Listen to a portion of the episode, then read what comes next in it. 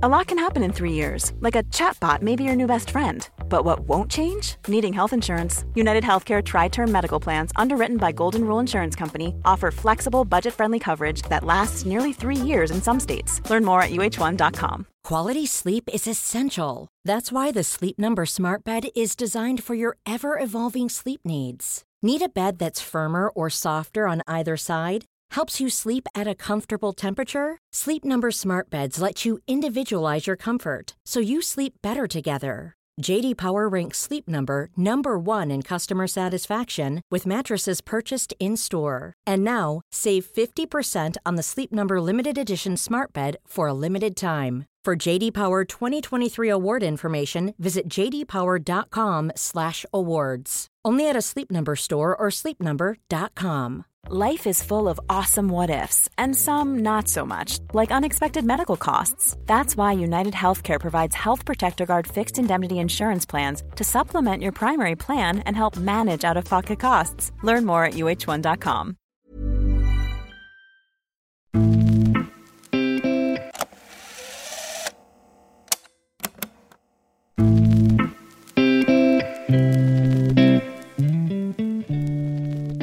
Idag är Tobias Hysén den som betraktar IFK Göteborg utifrån podcasten Hunden, katten, glassen som han har ihop med polarna och ex-spelarna Pontus Wernbloom och Mattias Bjärsmyr.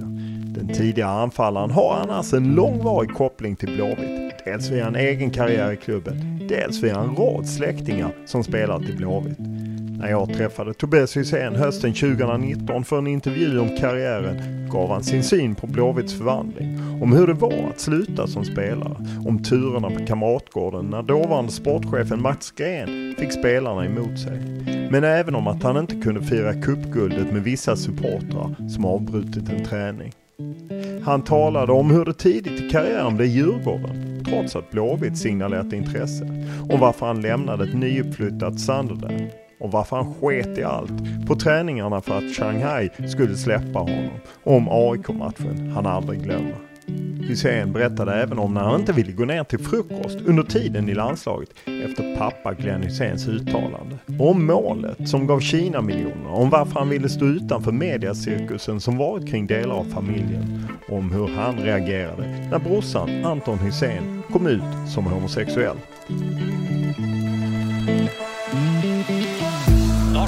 snabb, den är bra för Hysén. Oj, oj, oj, oj, oj! Det är ju ett riktigt drömmål av Tobias Hysén. Och han har gjort två i samma match mot Tyskland. Lyftningen från Larsson och sicken tryck han skickar på Tobias Hysén. Det är Zlatan-klass på Hyséns 3-4. Med två SM-guld, fyra kupptitlar och ett EM-slutspel med landslaget har Tobias Hysén varit en av svensk klubbfotbolls mest framgångsrika spelare under 2000-talet. I dagarna släpper han boken Jag är inte klar. Där han berättar om sina upplevelser på och utanför planen. Och jag fick chansen att sitta ner med Blåvitt-ikonen inför boksläppet. I boken avslöjar han bland annat spelet bakom kulisserna när han hamnade i Djurgården efter att ha lämnat Häcken och var på väg till Norge men där IFK Göteborg faktiskt uttryckte ett intresse, hans favoritklubb. Men det blev Stockholm istället. Men alltså, nej, fast där handlar det lite grann om att göra rätt för sig också. Jag hade varit i Häcken i fem år. Eh, ja, liksom då, där och då så var ju Häcken mitt lag. Liksom. Det är klart att Blåvitt lockade, men inte, inte till vilket pris som helst. Alltså, jag, spelar du ett år till i Superettan och så skriver du på för oss och så kommer du gratis sen. Det var lite så här, ah, och han berättar om den tunga tiden i Blåvitt när det då upphaussade Real Göteborg, som var stjärnspäckat, gick mycket tungt. Hur han fick lugna ner uppretade supportrar som trängde sig in på träningen. En upplevelse som gjorde att han inte kunde fira med samma supportrar i samband med cupguldet påföljande år. Där och då så kände jag bara att nej, jag har absolut ingen lust att stå här och skåla med dig liksom. Utan då gick vi bara vidare liksom. Och mer eller mindre bara ja, ignorerade honom och bara sa nej, nej. Liksom, du, behöver inte, du behöver inte komma fram liksom. Och i boken avslöjar han en del detaljer i det cyniska spelet runt fotbollen. Ett spel som han själv deltagit i ibland. Som när han ville komma loss från sitt kontrakt i Kina. Jag blev ju liksom sådär som man absolut inte ska göra. Att nästan skulle bråka mig därifrån. Liksom. Inte bråka, men alltså jag bara jag sket i allting bara mer eller mindre. Eh, och det var när man tittar tillbaka på det liksom, och det sista tre, fyra månaderna där så blir man så här, herregud, alltså, vad höll jag på med? Utöver detta pratar vi om maktkampen i IFK Göteborg, om klubbens pånyttfödelse, Benjamin Nygrens proffsflytt, om pappa Hyséns Zlatan-uttalande under tiden i landslaget och mycket mer. Men vi inleder som vanligt podden med en faktaruta.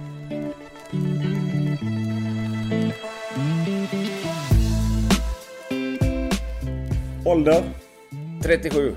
Bor? I Kungsbacka. Familj? Fru och tre barn. Utbildning? Jag har fullkomlig gymnasieutbildning, men inte mycket mer än så. Lön? Ja, det har jag. Bil? Volvo och Volkswagen. Hobby? TV-spel får man säga då. Språk? Svenska, engelska, lite spanska när, när man vill. Vem är världens bästa fotbollsspelare? Messi. Vilket är ditt favoritlag och varför? Mitt favoritlag är, ja det blir ju två då, men IFK Göteborg och Liverpool. Uh, IFK Göteborg för att jag själv har spelat där i tio säsonger och hållit på dem sedan jag var liten. Och Liverpool uh, har jag hållit på sedan jag var liten och min farsa har spelat där. Vilken är din största upplevelse i fotbollssammanhang? Uh, som spelare absolut SM-guld 2005 med Djurgården och 2007 med IFK Göteborg. Och som supporter så är det Sverige-Paraguay i VM 2006 i Berlin. Vilken är din största merit som fotbollsspelare? Det är väl SM-gulden egentligen också, får jag väl säga. Alla titlar som man har tagit. SM-guld, cuptitlar, individuella priser. Det är de meriterna man har. Vilken regel i fotboll hade du velat ändra på? um, oj. Det får nog bli i så fall att man... Även om eh, domare... Vi kan ta en aktuell grej då. Även om domare har sett en förseelse och man sen på repriser och tv-bilder kan se att det är värre eller inte så farligt. Att man i efterhand kan gå in och straffa eller ta bort lättare. För domaren ser inte alltid från samma vinkel som, som alla andra kan göra. Sen får det inte bli någon sorts rundgång att man ska in och peta i allting. Men, men de stora sakerna, det, det borde man kunna... En sån ändring borde vara aktuell att, att genomföra. Tar du fram något gammalt mål på YouTube eller på något sätt för att komma på bra humör? ja, det har väl hänt. Det händer inte lika mycket nu när man inte spelar längre. Men, men när, man, när jag fortfarande var aktiv och på elitnivå och man kände sig lite down efter någon dålig match eller man var inne i någon formsvacka eller sådär så kunde man allt plocka fram lite mål och försöka hitta tillbaka till den här känslan man hade när man, när man gjorde de målen. Då. Om vi tar bort gymnastik, vad var du bäst på i skolan? Eh, ja, matte och engelska. Vilken är din dyraste pryl? Min dyraste pryl? Jag har inte så mycket sådana grejer. Vad kan det vara? Uh... Nej, nej jag, jag har... Det är datorn då kanske. Vad gör dig rädd? Getingar. När var du lycklig senast? Ja, jag är lycklig ganska ofta tycker jag, men eh, när kan det ha varit då? När vi, när vi tränade med lillpojken där i förrgår. Han tycker det är kul att spela fotboll, så då, då blir jag glad också. När grät du senast? Mm, när kan det ha varit? Fan, det kommer jag inte ihåg.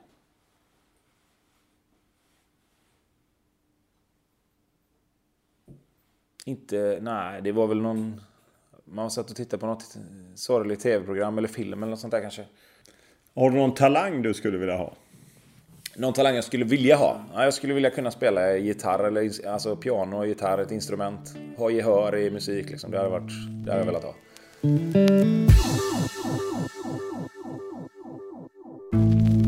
Detta året kan vi, kan vi kanske stryka, men, eh, men samtidigt det handlar om att handlar om att ta det bra med det dåliga och när man eh, sen är, är tillbaka där, det, där solen skiner igen så, så kommer man komma ihåg de här motgångarna också och då, då är de eh, erfarenheterna guld värda kanske.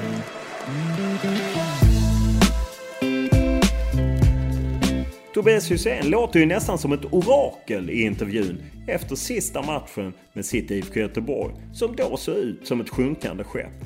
Nu, ett knappt år senare, är det svårt att inte häpna över förvandlingen som klubben genomgått. I sin bok berättar Hysén om spelet bakom kulisserna när klubben gick från ett topplag till ett krislag. Och här i podden ger han sin syn på Blåvitts utveckling sedan han slutade som spelare. När vi träffas här i, i, din bostad eh, så ska vi snacka om din bok och, och den här intervjun kommer ut ungefär samtidigt som AIK tar emot Blåvitt. Då undrar man ändå något år efter du har lagt av. Saknar du den liksom känslan inför att spela match? Eh, ja, jag kan, jag kan sakna det. Alltså, det blir ju det blir ju ett lite så här diffust svar, men, men jag kan sakna de här, eh, den känslan som är när man, när man sitter på läktaren och ser matcherna nu och, och det går bra. Liksom. Den känslan kan jag sakna. Samtidigt så märker man ganska snabbt att det är rätt skönt att slippa det andra. Eh, nu vart det liksom eh, nu har det varit både högt och lågt i, år för Blåvitt, men det är klart att när man, när man sitter och tittar på matchen hemma mot AIK och det blir 3-0 och man vet att liksom, när, man, när man springer där nere på plan sista 10 minuterna och har 3-0 i en sån match och, och publiken är i extas och det verkligen är jättestämning på, på Ullevi. Då, då är det klart att då, då, då killar det lite. Då vill man in och, liksom, och vara med. Och, och likadant tvärtom då, att det är rätt skönt när man, när man sen bara behöver ta det som supporter eller som liksom tränare, hjälptränare på något sätt. Eh, när det går åt andra hållet. Eh, men, men jag jag saknar inte så mycket som jag trodde att jag skulle göra. Det har gått, det har gått ganska bra ändå. För många spelare pratar ju om svårigheten när rampljuset slocknar.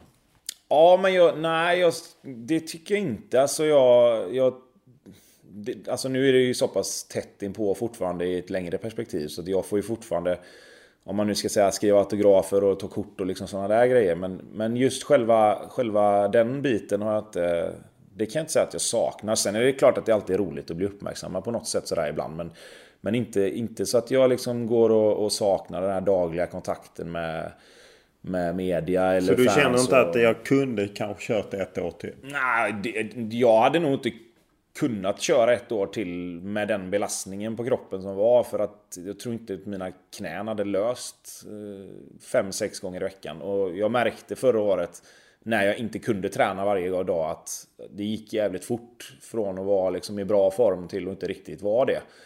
Eh, så att det som gjorde att jag kunde hålla en hyfsad nivå upp till 35 liksom, det var att jag kunde träna varje träning. Jag tränade varje dag. Det var aldrig aktuellt att liksom vila två, tre dagar en vecka för att, för att jag var äldre än de andra. Utan jag, jag körde på liksom. Och det, det visste man hade ont när man kom upp på banan. Men du fick, fick bortse från det liksom. Och, och tugga på. Eh, och det kunde jag inte göra längre. Och då blev kvaliteten så lidande att det var liksom inte kul längre. Du är ju kvar på Kamratgården i, i en roll. Hur viktigt är det att ändå vara liksom kvar eh, kring laget? Jag tror att det har varit en, en eh, väldigt eh, bra situation för mig då om man nu ska se det till att övergången från spelare till att inte vara spelare kanske har blivit smidigare. Eh, Vad gör du konkret? Jag är med på, på träningar eh, och hjälper till som, som en slags tredje tränare. Eh, mer som en, som en resurs egentligen än, än, än att ha något ansvar egentligen så. Eh, jag försöker att, att hjälpa Poya och Ferran med med vad de än behöver att jag ska göra. Det kan vara allt från att bara vara med och, och titta på övningar för att se vad som, vad som görs till att egentligen ha hand om avslutsövningar till att få hoppa in om någon behöver kliva av. Är det så att en spelare behöver mindre belastning en dag så, så kan det bli att han tränar halva träningen och sen hoppar jag in och tar andra halvan i, i ett lag då för att det ska vara, vara fungerande med, med samma antal spelare och sådär. Ehm, så att det, det, är väldigt, eh, det är väldigt mycket bara vara där och, och, vara en extra person ute på träningen som kan hjälpa till med saker och, och förbereda. Och, Sen blir jag ju lite grann en brygga mellan spelarna och ledarna kanske. Eh, lite grann framförallt kanske mellan sporten och administrationen eftersom jag är där eh, vissa timmar också då på, på dagen.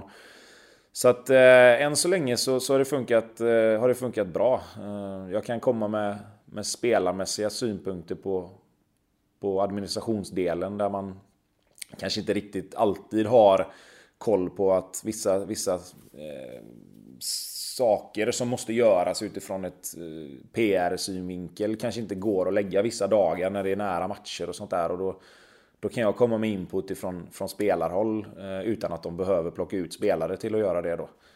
Så. Du som är så nära laget. Jag menar den förvandling som eh, klubben har gått igenom om du jämför med förra året. Där det var mycket svarta rubriker, mycket ångest och, och liknande till, till i år med väldigt mycket positivt. Vad är det man har gjort? Alltså det, den, den, den stora skillnaden är ju att spelarna är bättre. Eh, förra året var vi ju kanske på 22 spelare kanske två var godkända och, och resten var ju underkända om man ska vara helt ärliga. Um, och vi Då undrar väl... man ju vilka två som var godkända. Ja, man kan väl säga att Georgie sitt första år var godkänd. Det tycker jag nog ändå. Han gjorde ändå nio mål och det var hans första år i Sverige och i svensk fotboll. Så att han, han, han kan man inte kräva så mycket mer av förra året tycker inte jag. Uh, och sen så, så ja, underkända, godkända. Så jag menar, jag tycker väl att, tycker väl att vissa spelare ändå gjorde det helt okej okay när, de, när de kom in så. Men sett över det stora hela så var vi inte många som, som kommer ifrån säsongen med godkänt över, över en hel säsong. Eh, och då sa vi väl egentligen bara inför i år att kan, kan alla spelare komma upp på en godkänd nivå och sen att vi har några stycken eh, som, som, faktiskt gör det bra och, och, kanske till och med riktigt bra. Då, så, pass, så pass stora skillnader är det inte i Allsvenskan utan att vi ska kunna ta ganska stora kliv uppåt i tabellen eh, om vi kan få en säsong där alla helt plötsligt gör, gör det bättre. Eh, och det är ungefär så det har blivit. Alltså de flesta... Vad har eh, Ferran eh, som kommit då från, han var ju GIF Sundsvall som nu är i botten, ligger sist. Och han har kommit hit och lyft. Vad har han betytt? Ja, men han, har, han har betytt mycket såklart. I, ihop med Poja så har de hittat ett samarbete som, som kanske gör att, att den taktiska biten blir, blir lite enklare att förstå. han har väl tillsammans med Poja givetvis hittat övningar som kanske förklarar och som, som ger en lite mer röd tråd genom hela spelidé och, och, och taktiska upplägget. Eh, och sen så har ju spelarna givetvis haft ett år på sig och, och, och få liksom tänka till och, och se att okej, okay, det här känner vi igen nu, nu börjar vi hitta det här, rörelsemönstret börjar sätta sig lite. Eh, och sen är ju den, den absolut en av de största liksom, faktorerna är ju att man efter en ganska bra start har, har fått självförtroende och vågar spela på ett sätt som man kanske inte gjorde förra året. Har du inte självförtroende så vågar du inte trä en passning upp mellan två spelare. Har du inte självförtroende så vågar du inte den där sista väggspelet eller liksom och, och ta för dig lite. Ehm, så att det är väl mycket, mycket olika faktorer. Ehm, vi var några spelare förra året, inklusive jag själv, som kanske var lite för om man ska vara helt krass då, som kanske inte riktigt löste det pressspelet som, som, som de ville ha. Vilket gör att får du inte satt det från början så blir du bortspelad och då har du helt plötsligt problem. Liksom. Eh, så där är väl också en faktor såklart. Skälet till att vi sitter här är ju att du har skrivit en bok som kommer ut till Bokmässan. Jag är inte klar tillsammans med Joel Berglund och eh, om man då hoppar in i den lite så är ju du rätt kritisk får man ju ändå säga mot förre sportchefen Mats Gren. Och när man nu tittar på i år, en del av det som man skördar i år har väl han lagt grunden till, eller? Hur tolkar man det? Nej men alltså det, det som jag... jag har, Mats Gren gjorde väldigt mycket bra saker också. Eh, jag har aldrig liksom... Det som jag var kritisk mot till honom var, var lite hans sätt att, att sköta sakerna under den perioden när det blev storm där eh, uppe på Kamratgården. Eh, och, och det, är liksom, det är skillnad på, på sak och person. Alltså, jag menar, han, han gjorde väldigt mycket bra saker också. Han hittade ju väldigt mycket bra spelare och många av de spelarna som nu har slått igenom och blivit bra, det är ju givetvis, har ju han en del i också. Eh, så jag ska inte säga att jag, att jag var kritisk till allt han gjorde. Nej, det säger jag inte. Men jag bara, ibland blir men, det ju så. Historien. Ja, Vinnaren skriver ja, historien. Nej, men precis så är det. Och, och, det är klart att, och det är klart att med facit i hand så är det klart att han har haft en del i det också. Och det ska man aldrig någonsin ta ifrån honom heller. Eh, det som jag, det som jag var, var, kritisk mot i första hand var ju alltså skötseln av, av saker. Inte nödvändigtvis liksom de konkreta sakerna han gjorde utan mer hur han skötte allting just under den perioden när det verkligen började hetta till där uppe. Eh, och det, det, det, var vi ju väldigt ärliga med från spelartruppen till honom. Att vi inte tyckte att han, att han skötte det på ett bra sätt. Så det vet han ju om också. Det är ingenting som vi har liksom gått bakom ryggen och, och liksom försökt på något sätt eh, gömma från honom. Utan vi var, vi var ärliga mot honom och sa det till honom. Eh, och sen blev det bättre under, under en väldigt lång period. Det blev lite lugnare och sen så började det brinna igen. Och sen var det väl egentligen mer de sportsliga eh, resultaten som till slut eh, gjorde att han inte fick vara kvar. Ehm, så det är väl inget... Det, det, är väl ingenting som jag behöver egentligen förklara mer. Nej, nej, det, är så, det, är sånt som, det är sånt som har varit väldigt öppet hela tiden. Utan det, det, ja, jag kan stå för att jag tyckte han gjorde många saker bra, men, men inte, inte just där och då. Och du var inte ensam utan det framkommer ju i... Du skriver ju i boken om hur spelarrådet, hur ni innan ni pratar med styrelsen så tar ni ett möte med honom och det är du och Mattias Bjärsmyr bland annat. Och ni representerar truppen. Och liksom, hur, hur, svårt är det att ta ett sånt möte liksom, med någon som ändå är ens chef på något sätt och lite styr ens framtid också ju. Ja men absolut. Och, och, det, var ju, det var ju framförallt lite därför vi ville göra det på rätt sätt. Alltså vi hade ju egentligen kunnat gå direkt till styrelsen och säga att ni måste ta bort han. Eh, men vi ville inte göra så. Utan vi, vi, vi tog ett, ett samtal med hela gruppen. För det det började med egentligen var ju att det kom ut en tidningsartikel där spelare i Blåvitt hade gått ut anonymt och kritiserat. Och då, då sa vi det att så kan vi inte ha det. Utan är det någonting så ta upp det till ytan direkt så tar vi det på rätt sätt. Eh, och, och, det var ju det vi ville göra då med det här mötet med spelartruppen. Och då framkom det ju ganska tydligt att det var många som inte hade något förtroende. Vilket i sin tur sen då leder till att vi som spelare måste ju ta vårt ansvar gentemot spelartruppen och gentemot hela sportdelen egentligen att berätta det för honom. För att vi kan inte ha en, en spelargrupp som, som går och är missnöjda med sin chef utan att säga någonting. Och då tog vi det med honom och sen efter vi hade förklarat för honom vad vi tyckte så sa vi även till honom att vi kommer ta det här med styrelsen också. Och sen gick vi till styrelsen, pratade med dem och sen tog de beslutet att Mats skulle vara kvar. Och därifrån så, så var det liksom inte då var det inget snack om att vi skulle fortsätta motarbeta honom utan jag, då, då satte jag mig ner och förlängde mitt kontrakt bland annat under sommaren där. Och sa liksom att så länge du är kvar så, så kommer jag givetvis att hjälpa till. Det är inget konstigare än så. Min lojalitet låg ju inte hos Mats Gren utan den låg ju hos IFK. Eh, och, och är han min chef så är det han jag ska hjälpa. Och, och det blev mycket bättre. Men sen som jag sa, på grund av de sportsliga resultaten så blev det ohållbart till slut. Under den tiden eh, när detta sker så är det ju också på något sätt eh, Åtminstone utifrån upplevs det ju som en maktkamp mellan Mats Green och ena sidan Jörgen Lennartsson. Det har ju skildrats av fler inblandade. Frank Andersson, tidigare ordförande och, och, liknande. Och det fanns ju uppgifter i media som ni säkert tog del av att, att ni på något sätt drev för att ni ville ha någon annan sportchef och så. Hur, hur upplevde du den tiden? För du skriver inte just om det. Du nämner ju det här men inte just det. Nej men det, det som var mycket då var ju att det, det förekom ju en jäkla massa konstiga konspirationsteorier om att vissa spelare och ledare skulle ha haft hemliga möten och sånt där. Och det där är ju bara bullshit. Och det är ju liksom... Det är ju, det är ju skrivelser som aldrig har liksom blivit... De har aldrig blivit bemötta med, med, med några argument egentligen. Utan det var bara folk bara... De, de läste det och så tog de det för vad det var och så var det sant helt plötsligt. Jag menar, vi, vi gjorde det som vi trodde var bäst för Blåvitt i och med att vi fick ett möte med spelargruppen och hela det som vi precis gick igenom. Utifrån det agerade vi som spelarråd och, och sen var det inget mer med det. Vad som hände mellan Jörgen och Mats, det vet inte jag egentligen så mycket om. För att Jörgen har varit väldigt noga med att jag, jag vill inte prata om det. Liksom. Det, det, det finns ingen anledning att, att ta upp det nu. Eh, och, och, vad som hände mellan, mellan spelarna och Mats på, på individuell nivå, det vet jag inte heller. Jag vet att när allting var klart och när, ja, när styrelsen valde att, att låta honom kliva bort som klubbdirektör och koncentrera sig på sportchef så kom han till mig och så ville han förlänga mitt kontrakt och då sa jag det är absolut inga problem. Jag, jag tar det här optionsåret och från och med nu så, så, så hjälps vi åt. Alltså, så att Blåvitt mår bra.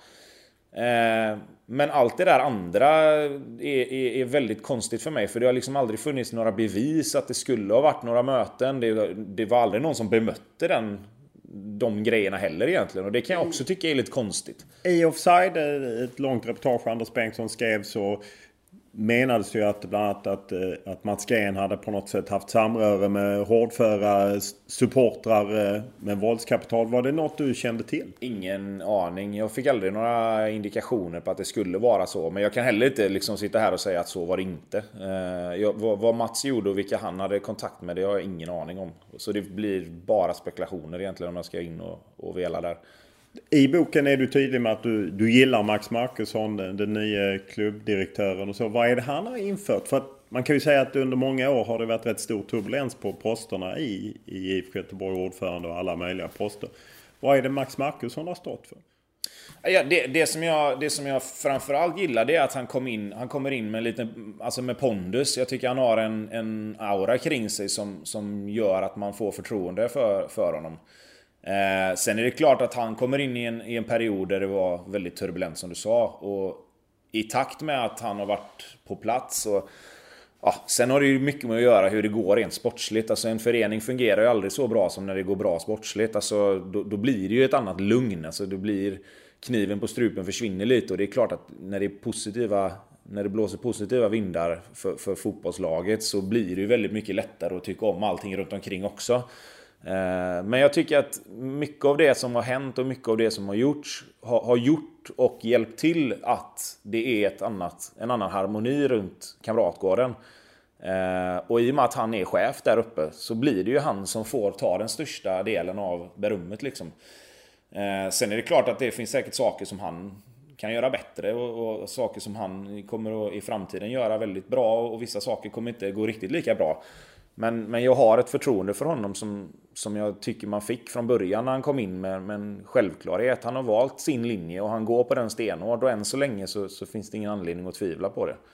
När du såg eh, Benjamin Nygren, vad kände du när han liksom kom upp till A-laget och sen den utveckling han har haft? Hur, hur överraskad är du av den? Eh, ja, att det skulle gå riktigt så fort, att han skulle iväg efter bara ett år, det kanske man inte riktigt såg. Men, men att han hade något speciellt, det, det märkte man ganska snabbt. Han var väldigt långt fram i eh, sitt fotbollstänk och i sitt fotbollskunnande när han kom upp i A-laget redan. Eh, sen var han lite valpig under första tiden, men han anpassade sig väldigt fort. Och sen är det så, vissa spelare har bara det där lilla extra att de, att de kommer in och gör mål och assist nästan direkt när de, när de får chansen. Jag menar, Sam Larsson var lite likadan när han kom upp. Eh, och, och, Robin Söder var, var likadan när han kom upp. Och, och, vissa spelare har bara det där lilla extra som gör att det spelar liksom ingen roll. De kan, de kan vara borta i matcherna i vissa perioder och sen när de väl får bollen så, så händer det någonting. Uh, och jag tyckte Benjamin var lite, lite sån när han kom upp. Han, han spelade inte så mycket på hösten men, men man såg ändå att det, det kan bli riktigt bra. Är, är det för tidigt han tar klivet ut? För jag menar, det är ju ingen hemlighet att IFK Göteborg behövde pengar. Ibland Nej, kan man känna... Det, det, jag, jag, tror inte, jag tror inte att Benjamin la någon värdering i att IFK Göteborg behövde pengar. Att han, att han var, kände att han var tvungen att dra. Utan när jag, när jag, vad jag har förstått med honom och hans farsa när man har pratat med dem så, så har de haft en ganska klar plan för hur, hur Benjamins karriär ska se ut. Eh, och sen, sen är det inte säkert att man håller med om alla valen som, som de gjorde alltid. Men, men, men det finns en tanke bakom allting de gör och än så länge så finns det ingen anledning att, att tro att de ska ha gjort något, något felval heller. Sen, sen är jag, normalt sett är jag ju liksom lite av den uppfattningen att, att bli lite för bra för det stället du är innan du sticker vidare. Så att du kan liksom med gott samvete säga att jag, jag kände mig färdig här. Eh, det tror jag inte att han kände. Utan, utan jag tror bara att nästa steg var att, att gå vidare och, och liksom börja lite och få jobba sig uppåt igen då, så att man kan ta nästa steg. Eh, och det, det är ju bara upp till var och en. Det är ju en individuell, en individuell tankegång eller process som man får respektera att varje spelare ihop med sin familj och, och, och rådgivare har. Liksom. Det är ju 12 år sedan du kom till IFK Göteborg. Eh, även om du hade ett mycket släktförflutet som det ju redogörs för i, för i boken så kom du ju 2007 då. Eh, och, och ni vinner ett SM-guld direkt. Och vad är det som funkar i IFK Göteborg liksom där i början med Stefan Rehn, Jonas Olsson och spelsystemet Hunden, Katten, glas, Glassen som du redogör för? Eh, ja, alltså mycket, mycket var ju givetvis, alltså det fanns en ganska tydlig spelidé som funkade väldigt bra eh, under de två, tre första åren där. Eh, jag kom in i ett lag som hade en väldigt bra balans mellan äldre, yngre, eh, rutin och, och ungdomligt eh, med mycket talanger. Alltså det var ju ett koppel med Sella, Alex, Ulme, Bengan eh, som, som var de äldre spelarna då som, som visade vägen lite grann hur det skulle vara. Du hade Håkan som sportchef som, som hade varit... Håkan Mill ja. precis. Som hade varit i klubben jättemycket. Så att många där som kunde visa, så här funkar det. Och sen kom det upp liksom ett koppel av spelare som var istället för 30 plus så var de runt 20 då liksom med Wernbloom, Bjärsmyr, Gustav Svensson. Eh, Marcus Berg, han lämnade ju innan jag kom då. Men, men, men, just de där spelarna, Ragnar Sigurdsson kom, kom in och Adam Johansson var med i våran ålder där med då. Så det var en väldigt bra mix av, av jäkligt duktiga unga spelare och jäkligt duktiga äldre spelare. Eh, och under några år där så träffade man helt rätt. Sen, sen vann vi bara ett år, men vi var ju nära. 2008 kom vi trea, 2009 vart vi tvåa och sen, sen när alla de här unga spelarna försvann en efter en så, så, så blev det svårare att hitta den balansen igen då. Du, du skriver i boken att eh, på seniornivå är Stefan Rehn den som kanske varit viktigast för dig. Du hade både, jobbat både honom i Djurgården och i Blåvitt. Vad hade han? Ja, men Stefan hade framförallt när jag kom till Djurgården så hade han en, en förmåga att rent tekniskt kunna lära mig liksom, hur ska jag skjuta, hur ska jag slå inlägg, vad ska jag tänka på? Alltså, han, han förbättrade mig rent tekniskt. Eh, jag har alltid varit snabb, men, men kanske inte alltid haft den bästa tekniken. Och det har jag, ska jag inte säga att jag var någon teknisk spelare, för det var jag absolut inte. Men, men just de här små grejerna att man... Alltså sköt jag tio skott innan jag pratade med Stefan så kanske jag sköt sju utanför för att jag vred foten lite och sen så la han den lite grann den biten till rätta då. Och samma med inlägg att hur man skulle tänka, var man skulle träffa, liksom träffa yta istället för spelare. Tänk lite mer så här. Eh, och sen även rent, rent liksom taktiskt och, och fotbollsmässigt så har han ju en fotbollshjärna som inte många har. Eh, han hade ju en spelintelligens som var jävligt hög. Och jag kunde väl ta åt mig mycket av det han sa. Och i och med att jag hade han under så många år eh, så, så känner jag väl att han är ju den tränaren som jag har haft absolut mest och, och som kanske har kunnat lära mig mest som fotbollsspelare. Är det han som ligger bakom att du skolas om till anfallare då? Du går ju från att vara mer ytter, eller är det... Nej, det var väl... Ja, det vet jag egentligen inte. Eh, jag var ju forward några matcher i Djurgården också. Eh, framförallt båda matcherna mot Juventus då när vi ville ligga lite mer på kontring. Men om han var den, den som tog det beslutet, det vet jag inte. Eh, jag hade ju kört fast lite som vänsterytter i Blåvitt och det var väl mer ett försök att någonstans hitta hitta en lösning på, på någonting som, som sen skulle kunna göra att jag, att jag hittade rätt igen då. Eh, sen att det skulle bli så bra att jag blev kvar där, det, det vet jag inte om, om, om det var tanken från början. Eh, men, eh, men det var ju definitivt han och Jonas och Teddy då som, som såg någon sorts eh, nyckel till att, att, att låsa upp det här krampaktiga som var i början för mig när, när jag var i Blåvitt under, ja, framförallt 2008 då mestadels. 2009 fram, går ju igenom det här AIK-matchen där ni förlorar hemma och sen förlorar även eh, kuppen. Eh, men just den 2009 på Gamla Ullevi, den är tung. Svider ja, den fortfarande? Ja, nej, men den, det är klart. Alltså, sådana matcher försvinner ju aldrig. Lika väl som, som framgångarna och att man kommer ihåg allting som man gjorde när man har vunnit de gångerna. Så är ju sådana såna matcher sitter ju alltid kvar. Det, och det är väl fullt naturligt. Alltså, det var ju det var ju länge sedan och det kommer väl kanske inte bli så många sådana matcher i Allsvenskan där det verkligen allting ställs på sin spets mellan kanske de två största rivalerna i, i en guldmatch i sista omgången. Det var, det var mycket det var mycket som var, var på en gång där. Eh, och det är klart att lika väl som, som vi sitter och, och mår dåligt över det så kommer ju AIK aldrig glömma det av, av positiva skäl. Då. Så att... Eh, är AIK den stora rivalen för dig? AIK och Malmö är det ju. Eh, så, så har det ju blivit liksom. Eh, det, är väl, det tror jag är för alla. Sen, sen är det väl olika. Jag menar vissa har...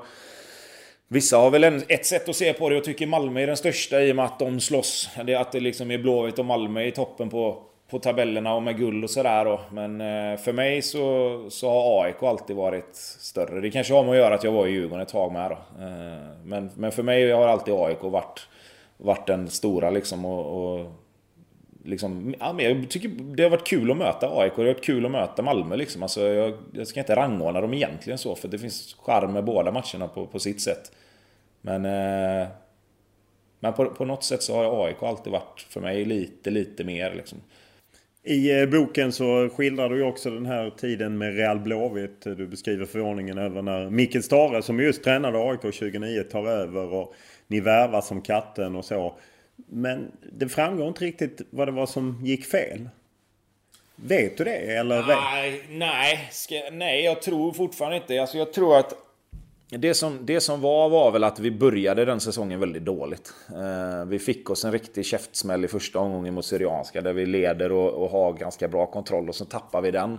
Och sen likadant eh, första hemmamatchen vet jag, då leder vi också och har, har fullständig kontroll och sen så hittar domaren en straff från ingenstans. Eh, och när vi sen förlorar den matchen också så tror jag det blir lite små panik på, hos många liksom. Det blir lite så att oh, inte nu igen. Det var ju det här året vi skulle vara bra. Vi skulle ju vinna de här första matcherna. Vi skulle vara med i toppen igen och så efter de här två åren innan då, 10 och 11, där vi har kommit sjua, så blir det så här, bara inte ett sånt år till nu. Och jag tror att mentalt blev det väldigt jobbigt för många. Uh... Ja, och jag menar det är ju en säsong när ni värvar in Nordin Gazic, Daniel Sobralense, Pontus Farnerud. Ja, det är liksom John Alvbåge. Det är liksom ingen hejd på det. Att ni bara lastar på med stjärnor. Ja. Hur, hur var stämningen i omklädningsrummet? Ja, men stämningen i omklädningsrummet, alltså jag, det kan jag med handen på hjärtat säga att jag har aldrig varit i någon klubb egentligen där det har varit dålig stämning i omklädningsrummet. Alltså, det, det, finns säkert ställen där det kan vara det, där man inte riktigt drar jämnt och sådär. Men jag har aldrig under mina år i fotbollen upplevt att det ska ha varit dålig stämning. Eh, sen är det klart att när det, när det liksom går dåligt så är det lite mer tryckt stämning. Alltså, du, du springer inte runt och, och skrattar och gapar och skojar som du gör när det går bra. Men jag har aldrig liksom... Men där kanske jag är naiv och liksom inte ser det då för att, för att jag är sån som person. Men jag har aldrig upplevt att att, hur, att det ska vara dålig stämning. Hur ser du i efterhand på rekrytering av Micke Stare som, som förknippad med AIK? Ja, men jag, jag tyckte det var konstigt. Det, det har jag sagt och det, det har vi snackat om och skrattat om också med, med Micke själv. Att eh, just för att det var, alltså att han hade varit i AIK hade jag egentligen inga problem med. Det var, inte, det var just att det var den matchens AIK.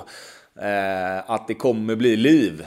Det, det, var mer det liksom. Sen, jag älskar Micke. Alltså både som person och som tränare så tyckte jag... Så det var inte där det brast på tränarposten? Ja, ah, nej det tycker jag absolut inte. Och det tycker jag man såg sen. Jag menar, vi, vi tog ju oss i kragen 2013 och vann kuppen och kom trea i Allsvenskan. Och sen kom han ju tvåa året efter. Så att eh, det, det, tycker jag absolut inte. Utan, utan jag, jag har bara bra grejer att säga om Mikael. Eh, och jag kommer jättebra överens med honom. Du skriver i boken att du i efterhand känner att du inte passade som lagkapten som han utsåg dig till. Ja, nej, jag, det, det lärde jag ju mig under tiden jag var lagkapten att, att det, det var inte... Ja, nej, det var Varför inte för mig. Varför passade inte du? Jag vet inte. Jag tror att med, med, med, med känslan man har i klubben och, och, att man liksom har varit supporter från början. Jag tror att det blev, det blev att man ville lite för mycket där i början. Jag tror att jag fick, jag fick liksom... Jag, jag kände att jag var en av lagets viktigaste spelare under många år. Jag var den som skulle göra alla målen och sen dessutom så skulle jag nu då liksom leda hela laget, leda klubben och liksom, alltså man tog på sig alldeles för mycket. Vilket gjorde att jag, jag löste inte det helt enkelt, tror jag. Alltså, det, det, det passade mig bättre Sen när jag under 2013 då liksom, okej okay, nu måste jag koncentrera mig på att spela fotboll. Nu kan inte jag fokusera på vad som står på Instagram eller vad, alltså, vad händer runt omkring. Utan gör nu ditt på plan och så se till att ja, mer lead by example än hålla på och ta på sig en massa saker överallt. Utan spela bra så kommer folk följa efter. Eh, och då gick det bättre. Och sen då, där och då så kände jag väl att nej fan, jag behöver inte ha den. Jag, jag, det, det, det, behövs inte. Alltså jag... Så du lämnar tillbaka binden? Nej, jag, drog, jag lämnade ju sen. Alltså jag, jag, gick ju till Shanghai. Så, och då fick ju Mattias Bjärsmyr eh, lagkaptensbinden. Och sen när jag kom hem igen så var ju han lagkapten. Och sen när han lämnade så var det fram och tillbaka. Och då var det lite så att de hade väl sett det också. Och jag tror jag hade sagt det någonstans också. Att det, det var inte bra för mig att vara lagkapten. Så därför har den diskussionen aldrig kommit upp igen. Eh, och det, det är väl bara, alltså ibland så måste man bara inse att det var jättes, jag var jättestolt över att vara lagkapten. Och det, det, det var sjukt stor ära att få vara det i, i, den, i de två åren. Men hade jag fått göra om det så hade jag nog sagt att nej, ta någon annan. Låt mig få spela. Jag kan vara en ledare i omklädningsrum och allt sånt där ändå. Jag behöver inte behöver inte ha den binden liksom. För att viss, det passar inte vissa bara. Det...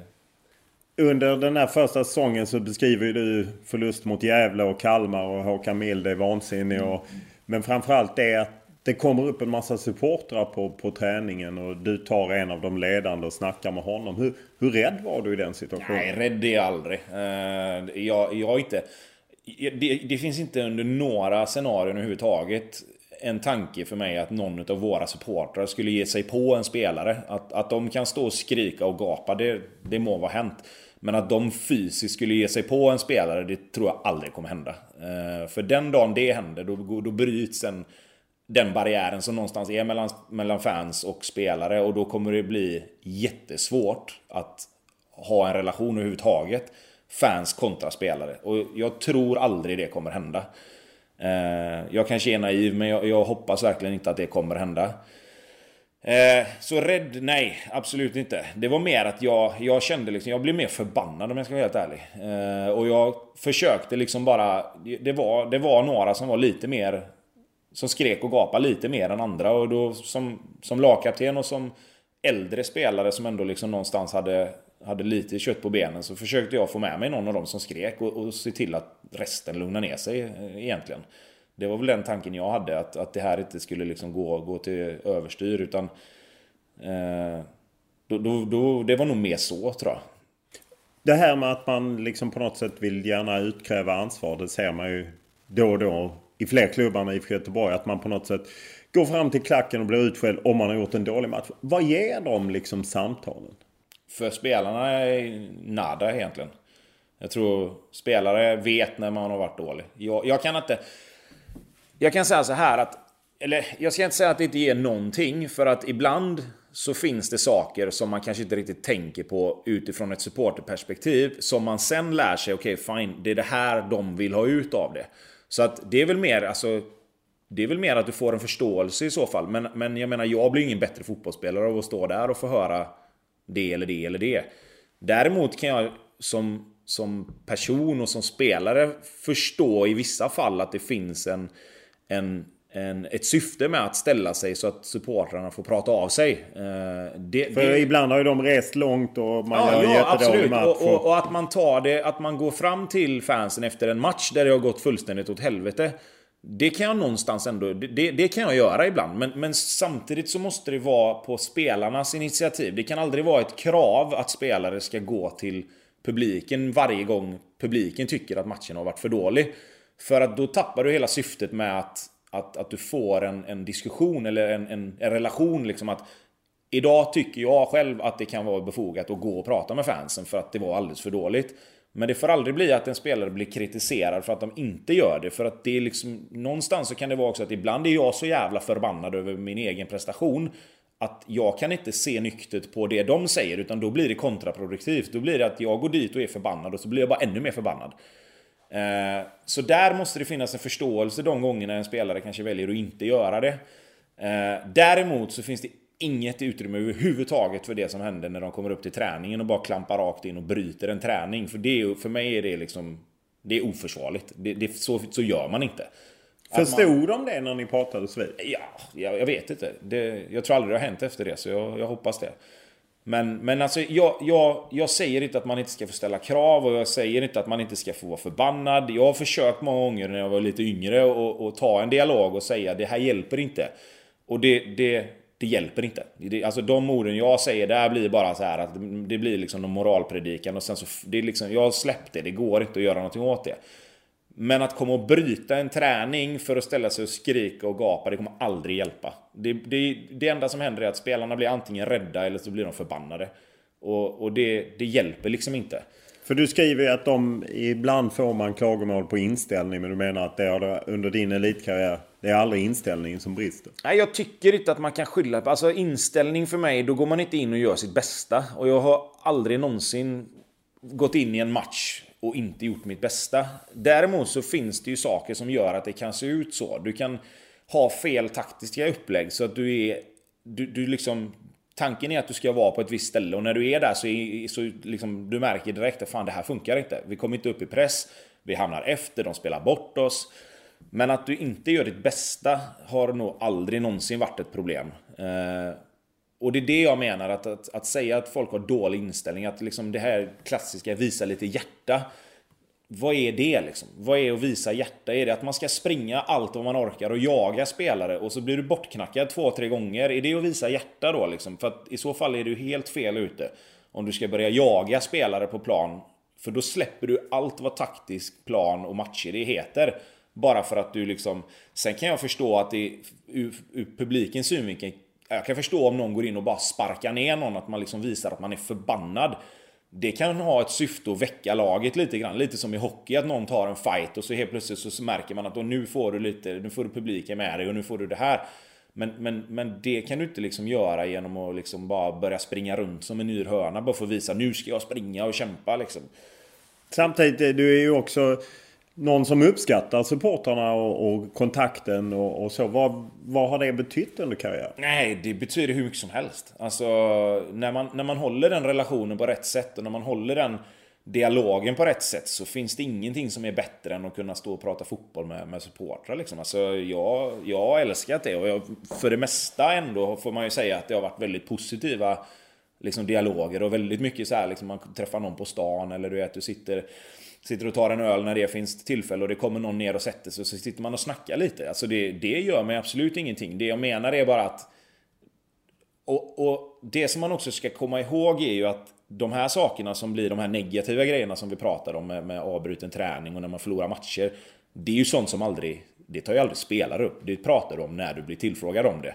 Det är ju ingenting som jag sitter och liksom...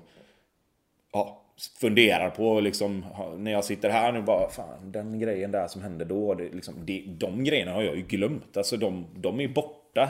Det är liksom, okej okay, det hände, det lägger vi åt sidan. Men sen när man pratar om det så försöker man att utveckla det på ett sätt så att folk ska förstå att vi, det där vill vi inte ha liksom. Eh, och jag tror inte supportrarna vill ha det heller. För att det betyder att det har gått dåligt. I eh, boken så redogör du också för en, en på något sätt lite talan sen i fyra cupguld på tåget. Och, och en som kommer och vill omfamna dig är ju den personen som har varit med uppe på Kamratgården som du har tagit åt sidan. En av de mest. Och där du liksom säger till honom att liksom försvinn, jag vill inte fira med dig. Ja, jag vet inte om det nödvändigtvis var han som jag gick iväg med. Men det var en av de personerna som stod längst fram i, i den här klungan. Uh, och det är liksom, i, i, i, mitt minne så, så är det liksom att då, då, då ser jag bara honom. Sen, sen liksom, nu är det här, det här är mitt minne vi snackar om nu. Det kan vara någon helt annan. Men för mig är det en, en av de som står längst fram. Och jag ser bara, och det första jag tänker när jag ser honom stå där och liksom ska hålla på och fira, det är liksom att för, för, liksom, för åtta månader sedan så stod du och skrek alla möjliga olika saker åt mig. Jag har ingen lust bara. Alltså, och det, rätt eller fel, men, men där och då så kände jag bara nej, varför ska jag göra det? Varför ska, jag, varför ska jag bara glömma det liksom helt plötsligt? Att det kanske blir en tankeställare eller så kommer inte de ens ihåg det. Men, men det blir liksom, där och då så kände jag bara att nej, jag har absolut ingen lust att stå här och skåla med dig liksom. Utan då gick vi bara vidare liksom. Och mer eller mindre bara ja, ignorera honom och bara sa nej, nej. Liksom, du, behöver inte, du behöver inte komma fram liksom. Andreas Almgren eh, känd eh, profilerad supporter tidigare Blåvitt skriver ju också ett kapitel och han på något sätt liksom lyfter fram dig betydelsen av, av dig och att du liksom varit aktiv också i sociala medier på olika sätt eh, med fans och ja, viktig för klubben och så. Har du känt det att du har haft en stor betydelse i, i Blåvitt? Ja, alltså på plan, absolut. Eh, jag var ju ändå en av, en av de bättre spelarna under, under den tiden som, som jag var där vi var ju många som, som hade det liksom epitetet. Men det är klart att jag vet att om man tittar rent statistiskt så är jag ju en av de spelarna som, som var bäst under min period som var där. Och med det så tror jag att i, i en förening när man har, när man har den liksom supporterdelen i sig som jag hade fram tills jag började spela i Blåvitt. Så blir det väl att man vill att alla ska... Alltså jag vill ju att IFK Göteborg ska vara en bra och fungerande förening. Och, och kan jag göra saker som hjälper till eh, med det så, så vill jag göra det. Eh, det är därför jag är kvar där nu. Det är därför jag har ingen prestige i vad, vad jag ska göra uppe på Kamratgården. Är det någonting som behövs göra så gör jag det. Liksom. Och det går väl över lite grann i att man försöker bygga lite broar med supportrar. Det är ju grunden till att man försöker förklara för supportrar att gör inte så här för att det här blir inte bra. Sen, sen har jag ju lärt mig att vissa saker är ingen idé att ta en diskussion om och vissa saker kan man diskutera med. Vissa personer har sitt sätt att se på det och vissa personer kan du ändå diskutera fram och kanske någonstans nå fram i ett resonemang där man kan få dem att förstå också att fan tänk på det här och så ska jag tänka på det liksom. Eh, så, så det är väl egentligen bara en del i hela saken att vara en, en spelare eller, eller anställd i, i klubben. Att man försöker att göra det bra på alla, på alla sätt och vis. Du har ju även blivit ansatt av andra klubbars supportrar och du skriver att du på något sätt kan gilla lite sådana hån när de eh, skriker om din farsa eller något. Ja, lite så. Och att det inte egentligen påverkar dig så. Jag, jag tänkte på förra året när du tackades av och MFFs supportrar buade väl lite och du gick in och skrev liksom på sociala medier att ah, men det var inte så farligt. Det är sånt som händer liksom. Att, det känns som att du, du är inte så rädd för att kliva in i det som egentligen kan vara känsligt. Nej, sen, sen handlar det om att vara smart också. Alltså jag, jag skulle ju eh, förhoppningsvis eh, aldrig ge mig in i diskussioner där jag känner att här har jag ingenting att hämta. Liksom. Alltså, det, finns ingen, det finns ingen idé att kliva in här och börja försöka vända på folk. Jag menar att de står där och buar. Vad, vad gör det egentligen? Låt dem bua i, i någon minut då, för sen till slut så, så, så, så tystnar de ju. Och då, då säger jag det jag vill säga och sen är det färdigt liksom. Det behöver inte vara mer dramatiskt än så. Sen fick jag jättemycket meddelanden på, på sociala medier från Malmöfans som, som bad om ursäkt egentligen för, för att de tyckte det var fel. Och där har du liksom båda spektrarna. Alltså vissa är så, så hardcore att det spelar ingen roll vem det är. Och vissa ser ändå liksom mer personen som, som har varit med och spelat och fightats och tampats och liksom ändå ur, ur en sportslig synvinkel på det ändå varit en, en kombatant i många år. Liksom. Så att jag är ganska säker på att det hade funnits båda spektrarna även i våra fans. Och bland alla fans är det, är det liksom så. I eh, boken så får man ju följa din karriär Lindholmen och Lundby och, och upp till Häcken. Och det, jag fastnar lite för det när du beskriver din första tid i Häckens A-lag. Ulf Rollsten blev utpekad. Han körde hårt mot dig. Och, nej men, och, och även Joakim Söndergaard som skriver ett kapitel återkommer i det här att du faktiskt tog lite illa vid dig. Gillar du inte den, den liksom penalismen som på något sätt ofta är inbyggd i, i fotbollen. Att man är, de äldre är kanske lite elaka mot yngre. Var i varje fall så historiskt. Jo, men alltså, jo, men det är lätt att säga nu. Att man, att man formades av det och liksom, alltså, jag kan väl med facit i hand se att det kan ha varit bra för mig också. Men, nu men vill jag det... flika in att jag tycker inte det är bra heller. Nej, nej men alltså, nej men jag kan, jag, alltså det, det, handlar ju någonstans om att hitta någon sorts gyllene medelväg. Alltså det, det blir ju en slags uppfostran in i ett fotbollsliv där du måste klara av och, ta dig igenom de här tuffa första åren givetvis. Alltså det är inte många som kommer upp i, ett, i en A-trupp och bara pang bom går in och gör det hur bra som helst. Det finns några få undantag. Men ofta har du ju en, en väg in där du har ett halvår eller ett år som är, som är ganska jobbiga. Alltså, och för mig handlar det väl mer om att det, det var liksom där och då var det ju inte kul. Alltså, jag tyckte det var kul att spela fotboll, men det är inte kul varje gång du får bollen och lyckas dribbla av någon. Så får du antingen, alltså de drar ner dig och drar dig i tröjan eller så kommer de efter och sparkar ner dig för att du din jävla 18-åring ska inte dribbla förbi mig liksom. För mig låter det så jävla eh, omodernt att hålla på så. Ja, men det var väl... Det har ju ändrats. Alltså, det finns väl en anledning till att det kanske inte riktigt är så längre. Eh, sen som jag sa, jag kan tycka att en viss mått av uppfostran måste ändå finnas i, i i, en, i, en, i ett omklädningsrum. Eh, men sen om man ska göra det på det sättet, det är väl kanske inte... Men jag menar, det, det är bara, det är bara att titta Vågar på. du stå upp för dig själv då? Eller är det först som du har kommit fram till efter? Nej, jag, jag var väl också... Alltså, det, där är också lite annorlunda. För att lite grann var det... Den uppfattningen jag hade var att bit ihop och kör så blir du accepterad mycket snabbare. Skulle man stått upp och liksom börjat kaxa emot och hållit på. Jag tror inte det hade varit så jag tror inte de hade tagit till sig det på ett bra sätt eh, där och då. Nu snackar vi liksom, nu är det inte hundra år sedan, men, men det är fortfarande liksom slutet på 90-talet, början på 2000-talet och, och, då fortfarande var det lite sådär, jag menar det räcker ju att titta på om man pratar med Pontus Wernbloom och Bjärsmyr och de här så var det ju krig på Blåvitts träningar där i början. För de sparkade ner Håkan Mild och de här och Håkan Mild och de sparkade ner Pontus och det liksom de två var ju som Alltså det var ju som eld och vatten ett tag liksom på, på, på Blåvitts träningar när det var yngre mot äldre. Och det där växer ju sakta bort och det är ju liksom, det blir ju hela, alltså det är ju egentligen om man ska börja liksom flyga iväg fullständigt så är det ju en samhällsfråga att den här respekten för äldre har ju försvunnit mer och mer. Eh, och då var det nog mer så att jag kände att nej, jag ska hålla käft och bara köra på här. Så kommer det till slut så, så kommer det bli bra liksom. Men eh, du är inte sån själv? Eller du var inte sån själv? Nej, jag, nej jag, jag, jag har aldrig någonsin sparkat ner folk på det sättet. Eh, jag är lite för snäll för det tror jag. Men, eh, men man kan, man kan, man kan som, som jag sa, man kan uppfostra på ett annat sätt. Det för mig handlar det mer om att tala om för vissa att liksom, tänk, på, tänk på vad du gör och säger. Alltså börja inte tjata emot. Är du 17 år så börja inte tjata emot när lagkaptenen tillrättavisar dig. Utan ta det bara. Det finns andra, det finns andra situationer där du kan börja tjata emot. Om det, om det handlar om att de gnäller bara för gnällandets skull. Men, men blir du tillrättavisad rent taktiskt eller någonting av, av, en äldre spelare så ta det och så, även om du inte tycker så, så, så, håll, så håll det för dig själv. Liksom. För att det kommer en tid när du kan börja tjafsa emot. Men, men, men man måste veta sin plats lite grann också. Eh, utan att för den sakens skull bli helt överkörd.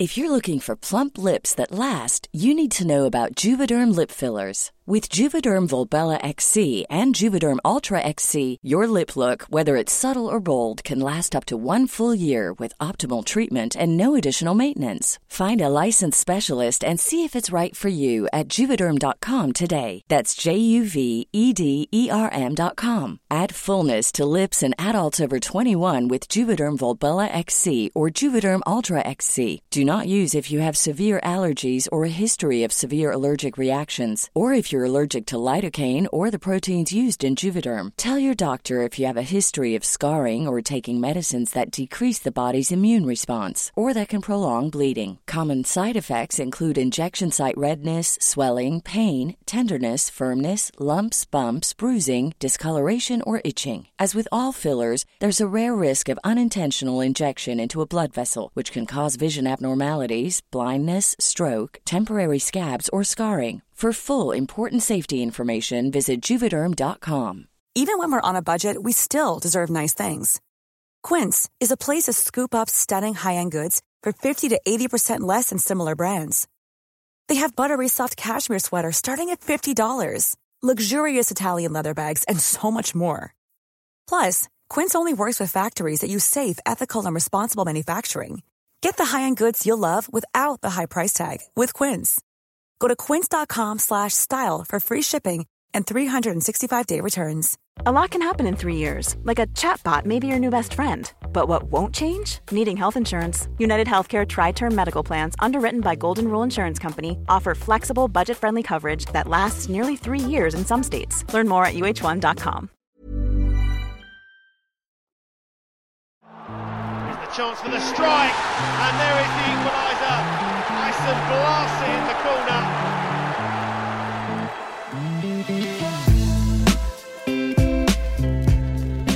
Trots en lång och framgångsrik karriär blev det bara två relativt korta utlandsäventyr för Tobias Hysén. Målet vi hörde nyss skickade han in mot Leicester under hans tid i Championship med Sunderland. Där han var med och spelade upp klubben i Premier League. Men istället för att testa vingarna i den engelska högsta serien så valde den lite hemkära Hysén att återvända till Allsvenskan och Blåvitt. Och det krävdes sedan ett riktigt monsterbud för att locka honom från Sverige en andra gång. I eh, boken så skildras ju också när du går till, till Djurgården och det är ju lite fascinerande att, att du är i kontakt med IFK Göteborg som ju alla på något sätt förknippar dig med nu men som du inte tillhör då eftersom du spelar i Lundby och Häcken. Men Blåvitt vill att du ska komma som bossman året efter. Det vill inte du utan du vill att Häcken ska ha betalt. Hur, hur svårt var det? Var inte suget större att komma till Blåvitt? Nej, men alltså, nej, fast där handlar det lite grann om att göra rätt för sig också. Jag hade varit i Häcken i fem år. Ehm Ja, liksom då, där och då så var ju Häcken mitt lag. Liksom. Det är klart att Blåvitt lockade, men inte, inte till vilket pris som helst. Alltså jag, jag ville ju att de skulle köpa mig för att visa att de verkligen ville ha mig också. Här blev det lite så här, ja vi vill ha dig, men inte så mycket att vi är villiga att liksom göra vad som helst. Utan spelar du ett år till i Superettan och så skriver du på för oss och så kommer du gratis sen. Det var lite så här... Eh, ah. Hur såg du på Blåvitts agerande där? Nej, alltså jag fick ju förklarat för mig att det var så det var tvunget att vara. De hade ju tagit Peter Ridge och antagligen lagt väldigt mycket pengar på honom då. Så att det fanns, det fanns inga pengar kvar att göra en, en sån värvning då. Vilket för mig då liksom, ja, Peter Idje som var skyttekung i Allsvenskan eller en oprövad 21-åring liksom, det, det, var väl ingenting, det var inget konstigt val på det sättet. Men, men för mig handlade det liksom inte om att, jag var inte redo liksom liksom fullständigt blåsa häcken på, på de pengarna bara för att jag skulle skriva på för Blåvitt under sommaren och sen gå gratis och så liksom bara, ha, nu fick jag spela i Blåvitt och så gör man sig själv en otjänst ändå liksom. Istället så hamnar du i Djurgården. Du är på väg till norska Lin men eh, Bosse Andersson eh, lyckas övertala dig till att komma till Djurgården. Väldigt framgångsrik tid. Känns det ändå lite konstigt att du har haft en sån, jag menar en, ändå en relativt stor rival till IFK Göteborg och där har du vunnit SM-guld och kupptitlar och allt. Eh, nej, inte... Nej, inte på det sättet kände jag nog inte då. Utan då kände jag nog liksom så här att jag kom... Som ung spelare så kom jag till ett lag som, som var liksom... De var ju då som Malmö är nu lite. Eller alltså, det är, Malmö ja, var, var ju dominanta. Ja, precis. De hade två SM-guld i rad. Och, hade gjort spelare till landslagsspelare på, på, till höger och vänster och, och, och sådär. Va? Så det var ju det laget som alla ville till egentligen då. Eh, och för mig passade det rätt bra med 4-3-3. Jag fick en lite mer framskjuten roll i, i ytterforward istället för yttermittfältare. Um, så, så mycket med, med Djurgårdsflytten var bra rent ur sportslig synvinkel för mig. Liksom. Ehm, kanske till och med bättre än om jag hade gått till IFK just där och då.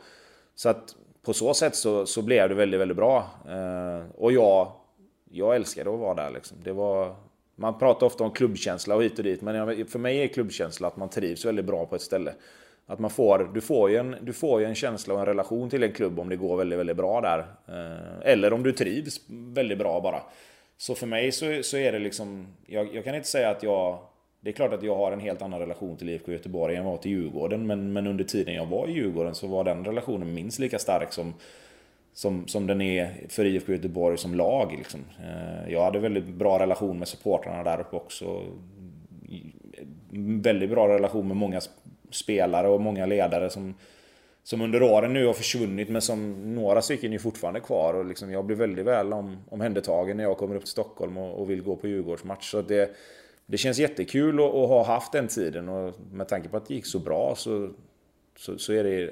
Jag, jag, har ingen, jag kan aldrig någonsin sitta och liksom ångra att jag gick dit. Jag tycker det, det, de två och ett halvt åren där är bland de bästa jag har haft. Så det, du följer på något sätt en snitslad bana när du tar kliven upp Häcken och sen Djurgården och du kommer med vinterturné i landslaget och det blir eh, intresse och det slutar med att Sunderland köper dig och på något sätt man tänker att ja, men det är väl bara nästa steg men redan efter ett år vänder du hem från England. Mm. Eh, lite med svansen mellan benen kanske vad är det som gör att du inte trivs? För att jag menar under tiden i IFK Göteborg skriver du att du nobbade FC Köpenhamn och så det dröjer ju innan du flyttat till Kina och mm. även där vill du nästan hem direkt.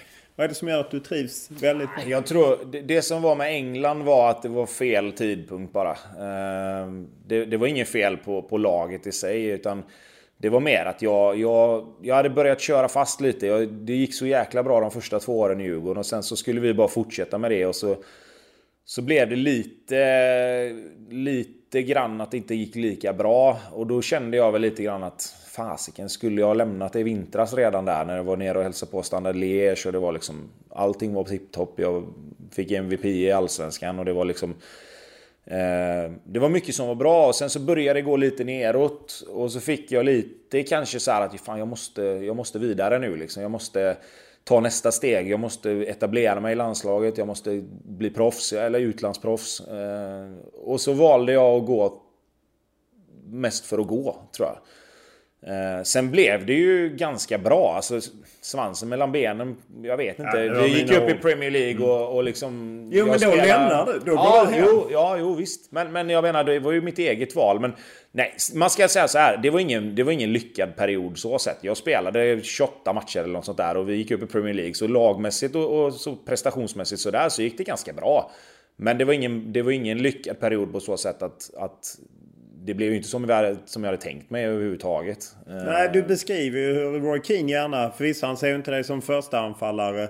Men han vill ju ändå att du ska stanna och kämpa. Ja. Men du känner mer att... Ja. Nej, jag var, inte, jag var inte redo för att göra det. Alltså, man kan väl säga egentligen rent krasst att jag var inte redo för, för, det, för den eh, för, för det livet som det var att vara utlandsproffs. Alltså det är tuffare, så är det. Och jag, jag tror inte jag var redo bara. Eh. Vad gör att du tackar nej till exempel till FC Köpenhamn eller andra anbud som kommer under åren i, i Göteborg? Nej, då handlade det mer om att jag... Ju, alltså just med FC Köpenhamn så var det väl mer att ska jag iväg nu härifrån där jag trivs så bra och där vi liksom... Jag älskar ju att spela för Blåvitt så, så, så vill jag längre bort. Alltså då, då får det vara någonting som... Alltså åka liksom 30 mil söderut kändes liksom fan... Då kan jag lika gärna möta Malmö och AIK, och Hammarby och Djurgården som åker och möta Odense och Randers och alla de här lagen. Liksom. Det kändes inte aktuellt. Sen är ju FCK var ju en större klubb och det är liksom... Det är klart att det fanns andra saker som hade varit mycket bättre med FCK, det fattar jag ju också men... Men jag vill inte liksom... Jag tittar mer på helheten att Nej, vad, får jag där som jag inte kan få här? Förutom kanske då vinna danska ligan. Kanske liksom, men det vet Lägre inte skatt. Heller. Ja, som en del ja, ja, eh, prioriterar. Ja, precis. Men, men, eh, men det var liksom inte... Det var inte aktuellt för mig så. Ehm, utan det, det som egentligen var närmast då, det var väl, det var väl Klubb Brygge egentligen som kom under 2011. För då gick det väldigt bra för mig personligen, med laget fortfarande lite knackigt. Och jag kände väl lite så att Fan, ska jag, ska jag hoppa på någonting så börjar det bli dags liksom. Jag var 29. Eh, det gick fortfarande bra, jag var med i landslaget och liksom... Ska jag, ska jag ta en vända till och försöka liksom? Då var det lite mer så Europa League, Champions League. Det var ändå Belgien, du, du kunde få liksom lite annat än, än, än, bara alla de här lagen som man alltid mötte på, på La Manga och liksom sådär då. Eh, men i slutändan så, så, så var det, och det får man ju tycka vad man vill om, men i slutändan var det det liksom att jag kände inte att jag kan inte bara dra nu när det inte går bra. Eh, jag kan inte bara lämna när vi ligger tia i Allsvenskan och, och, och jag ändå gör mål som gör att vi faktiskt vinner matcher ibland. Då kan inte jag bara dra nu. Eh, det kändes inte rätt att göra det. Eh, och eh, det är, hur, hur mottogs det? För ibland kan det ju vara så att en klubb vill sälja en för att de behöver få in pengar. Liksom. Eller ja, men jag, jag, upplevde, jag upplevde aldrig det som att, som att det var så. Uh, hade Blåvitt kommit till mig och sagt Fan du, vi, vi, vi har fått 25 mille här nu från Klubb Brygge. Vi behöver de här pengarna liksom. Vi, vi måste ha dem. Uh, ja, fine, då hade, då hade ju det blivit en del i ett beslut liksom. Känner du att du har offrat lite av dig själv för Blåvitt exempelvis? Eller Nej, klubbar? jag skulle inte uttrycka det så. För att jag har aldrig gjort någonting som jag inte har velat göra. Eh, det, det har aldrig varit, eh, aldrig varit snack om att snälla stanna, snälla förläng, gör det här, gör det här. Jag, jag har älskat att spela i Blåvitt hela tiden. Eh, det har varit tuffare perioder givetvis, men, men jag har aldrig någonsin liksom ångrat att jag har spelat i Blåvitt. Nej, jag mer tänker att du var där länge och att man gick iväg. I slutändan eh, går du ju till Kina. Det är ju din gamla polare Stefan Selakovic som mm. trollar fram något i, i, i Shanghai. Och, eh, ja, man framstår när man läser boken att det är ju tufft socialt men det är bra betalt. Och just hela den här mm. avvägningen. Hur, hur svårt var det? Ja, det var svårt. Eh, det svåraste var egentligen att dra så långt bort. Alltså du, du lämnar ju allting här hemma. Det är liksom inte så att du bara kan sätta dig på ett flyg och åka hem över helgen. Liksom, utan det var, det var det som var det absolut svåraste. Eh, just alltså beslutet att, att lämna Blåvitt då. Då hade vi vunnit kuppen och vi var trea i Allsvenskan igen. Så tajmingen så sett att göra någonting. Om jag kände att jag inte kunde lämna för att vi låg lite pyrt till åren innan så var det ingen fara med det längre. Eh, laget hade börjat fungera, vi hade fått upp spelare. Jag menar Lasse Wiberg hade kommit in, Sam Larsson hade slått igenom. Vi hade Jakob Johansson som hade slått igenom och, och mycket, av det som, mycket av det som jag kände att det går liksom inte innan var ingen fara längre så. Sen, sen är det som... Och, och man, får, man får tycka vad man vill om det. När man är mitt uppe i det så försöker man hitta andra orsaker än pengar för att, för att göra en flytt. För att man vill inte säga att det, att det är pengarna som styr, för att det är fult att göra det. Men det är klart att som 32-åring få ett erbjudande som jag fick. Där jag kan vara iväg två, tre år kanske och sen komma hem och känna liksom att nu är det lugnt. Nu, jag hade bra betalt i Blåvitt innan. Det var absolut inte så att jag att det gick någon nöd på mig. Men här var det liksom på en helt annan nivå. Vad tjänar du? I Kina? Alltså på, på de två åren så gjorde jag väl kanske... Tio gånger mer än vad jag hade gjort under karriären innan. Netto alltså? Ja, mer eller mindre skulle jag säga. Säg att jag kom hem Ja, jag kom nog hem med, med ungefär i rena pengar tio gånger mer än vad jag hade innan liksom. Ja, då ja. fattar man. Ja, så, och, och, jag menar som, hade jag varit 22 så kanske man inte hade valt att göra den flytten. Men, men nu var det liksom att man sitter där och tittar och tänker jag har fyra, fem kanske på sin höjd år kvar. Och jag kan göra, jag kan göra liksom 10 gånger mer än vad jag har gjort på de här 15 åren innan. Det, det, blir svårt. Det blir, nästan, det blir nästan så att man liksom får tänka, då får du bara bli egoist och tänka okej okay, det här är min familj vi snackar om. Det här är liksom, vi gör de här grejerna nu för att kunna liksom sitta och, och ta det lugnt liksom sen. Sen kommer jag aldrig vara en sån som aldrig jobbar för jag vill göra någonting annars blir jag rastlös. Men, men, men... Du behöver inte jobba? Nej, jag måste inte och jag kan göra, jag kan hoppa på lite olika projekt om jag vill och jag kan göra saker liksom, som, som jag vill göra. Sen är inte jag någon sån, och det kan vem som helst säga, att jag bara liksom kastar pengar runt omkring mig för att jag kan göra det. Utan det handlade där och då handlade det om att okej, okay, det här är alldeles för mycket pengar för att tacka nej till. Det, det blir liksom inte försvarbart att kunna sitta om fem år och säga tänk om vi hade gjort så istället. Och jag hade klarat mig ändå, men, men det är klart att verkligheten är en helt annorlunda nu mot vad den hade varit. Du skriver väldigt öppet om hur du kan skämmas för hur du uppträdde på slutet när du är i, i Kina, du blev skadad, Sven-Göran Eriksson är tränare och du tappar din plats och, och liksom hur du... Ja, att du inte är stolt över hur du uppträdde på, på träningar och liknande. Nej, det var inte bra. det var... Eh, nej, det var... Det blev en, det blev en, en reaktion på att på att jag var liksom lagets stora stjärna egentligen i ett och ett halvt år. Och sen så blev jag skadad och då plockade de in andra spelare. Precis så som de gör där.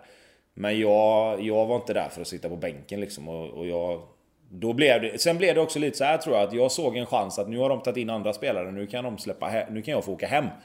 Eh, så att jag blev ju liksom sådär som man absolut inte ska göra. Att nästan skulle bråka mig därifrån liksom. Inte bråka men alltså jag bara, jag sket i allting bara mer eller mindre. Eh, och det var, när man tittar tillbaka på det liksom och det sista tre, fyra månaderna där så blir man såhär bara herregud, alltså vad höll jag på med? Vad sa Svennis? Nej, han, jag, tror att han, jag tror att han var så här liksom att han, han förstod nog varför. Sen tror inte han, han gillar ju inte det såklart. Det tror jag absolut inte han gjorde. Eh, men, men han lät mig vara liksom. För han förstod nog också att vi kommer inte behöva honom framöver för att vi kommer få in så mycket bättre spelare. Eh, och då blev det liksom att han, han lät mig vara på något sätt bara liksom. Sen var det aldrig några problem på Alltså när, vi väl, när det väl var match så gav jag liksom järnet för att det var fort, jag hade fortfarande liksom känslan av att jag måste ändå hjälpa de andra spelarna. Men just på träning och liksom Liksom, jag, var ju, jag var sist där och först hem och liksom mycket, alltså mer sådana grejer du vet. Alltså bara... Ja, egentligen... Grin, Grinolle rent av. Tvärtom som du var på Kamratgården. ja, men, ja lite, lite så. När du, det är ju Svennis, han hjälper ju dig att klubben gör så rätt för dig så du får nästan hela lönen. Men det är också viktigt för dig att skriva i boken hur du liksom gör rätt mot Blåvitt. Du kommer hem gratis, du tar den lön. Varför känner du att du måste motivera dig? Varför skulle de inte kunna unna dig att avrunda några år i Kina? Äh, hur då menar du? Att... Ja, men du skriver ju att liksom, eh, jag lovade Blåvitt att jag skulle komma hem utan att jag fick någon sign-on-bonus. Och jag bara tog, ge mig bara ett kontrakt så skriver jag på. Liksom att det känns som att du behöver motivera att du lämnar Blåvitt och går till Kina och sen kommer tillbaka. Jaha, så menar du? Nej, alltså nej, det, det, det är väl inte att motivera egentligen. Utan det är väl mer att jag känner att det, det, blir liksom... Jag, jag, vill bara säga som det var. Alltså, ska, man, ska man berätta historien så får man berätta historien helt, helt och fullt. Och jag liksom, det, det handlar inte så mycket om att jag ska motivera varför jag drog. Alltså, jag tror de flesta ändå fattade varför jag drog. Och de flesta hade dratt också. Ja, i alla fall de flesta fotbollsspelarna i min sits hade dratt. Absolut. Eh, Sen var ju många argument liksom att ja men vad fasiken det är mer än bara liksom pengar och det är klubb och det är liksom lojalitet och hela den biten och liksom ja okej okay, men då, då, då, ser vi inte sakerna på samma sätt bara. Eh, och sen så har jag fått mycket frågor om hur det egentligen låg till när jag kom hem. Alltså var det verkligen så att du liksom gör, gjorde du verkligen det? Är det verkligen si? Var det verkligen så? Då, då kände jag liksom att nu när jag ändå nu när jag ändå har chansen att berätta hur det verkligen var så, så vill jag göra det. Liksom. För att det har varit liksom... Jag har fått frågorna väldigt många gånger. Hur det verk, gjorde du verkligen det? Eller gjorde du si? Eller gjorde du så? Och sen så vill... Jag vet att jag pratade med Poja någon gång om det att liksom, fan jag hörde liksom si och så om det här och det här. Bara, ja, det var så. Vad fan, varför, varför har du aldrig sagt någonting om det? Liksom? det borde inte folk få reda på det? Jag bara, nej, fast det, då blir det det där liksom. Jag har aldrig varit... Jag har aldrig gillat det här liksom att, att man ska framhäva sig själv i någon god dager för att alla andra ska fatta och kolla vad bra han är. Men just när det blev så här då, så här hade jag ju chansen att, att skriva min... Alltså så här var det liksom. Eh, och är det någon gång man ska göra det så är det väl kanske här då. Ett skäl till att du kommer iväg till Kina är ju att uh, du gör uh, mål mot Tyskland. Väldigt snyggt mål på, på, på Friends. Det var väl det enda skälet egentligen. ja, så var det kanske. Och landslaget, du är ju med under några år men på något sätt det blir aldrig det där lyftet i landslaget. Var det för hård konkurrens eller?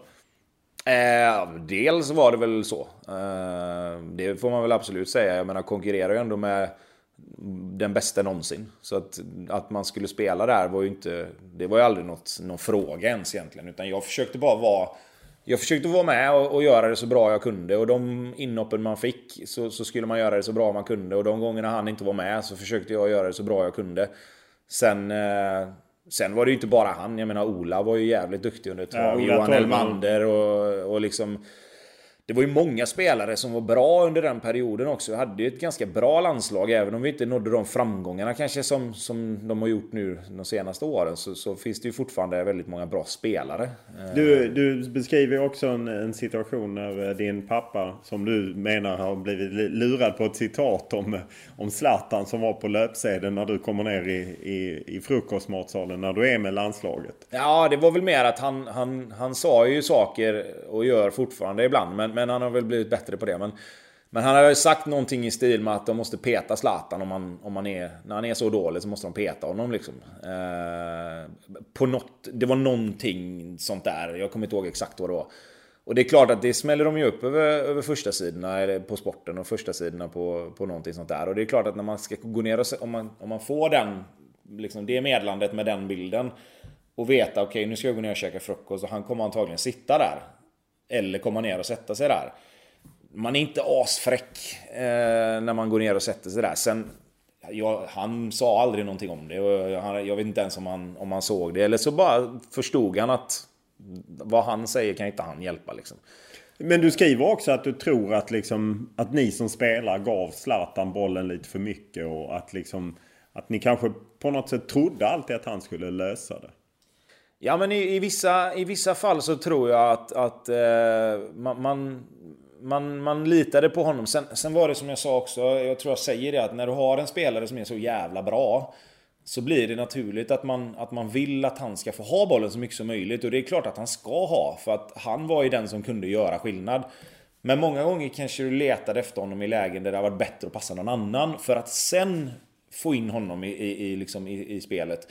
Eh, och det, det står jag för. att eh, jag, Det var liksom första tanken när man fick bollen många gånger var vart är han? Var, kan vi ge han bollen?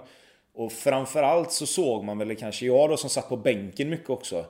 Och såg matchen utifrån mer på ett annat sätt för att liksom försöka se vad, vad kan jag göra när jag kommer in?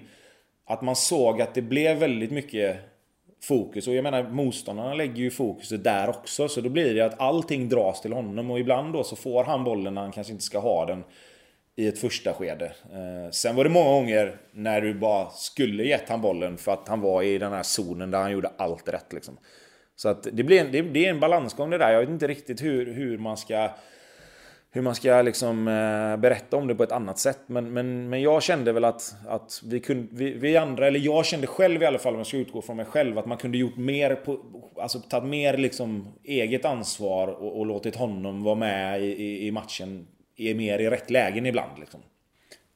Du är ju en del av en, en familj som är en del av svensk offentlighet vare sig du vill eller ej. Det börjar på något sätt med, med din pappa och, och, så. Och du skriver liksom i boken att det har varit lite jobbigt och nu detta är din bok och så. Var, var det ett skäl till att du ville skriva bok?